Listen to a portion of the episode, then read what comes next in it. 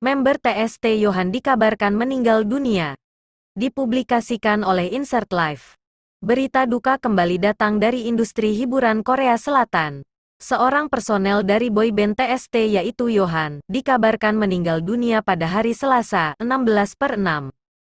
Kabar tersebut diketahui dari sebuah laporan eksklusif milik SPO TV News pagi hari, Rabu, 17 per 6. Namun, belum ada konfirmasi sama sekali dari pihak agensi apa penyebab Johan meninggal dunia karena permintaan pihak keluarga. Penggemar sangat syok mengetahui kabar sang idol sudah tiada. Hal ini karena Johan TST baru saja merayakan ulang tahunnya pada tanggal 16 April tahun 2020 ke-28.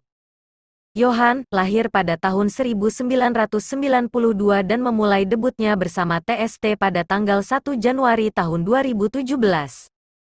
Pria yang memiliki nama asli Kim Jong-wan ini, masuk ke boyband TST bersama lima anggota lainnya yaitu Ain, Ka, Woo Young, Jung Hon, dan Yong Hyeon.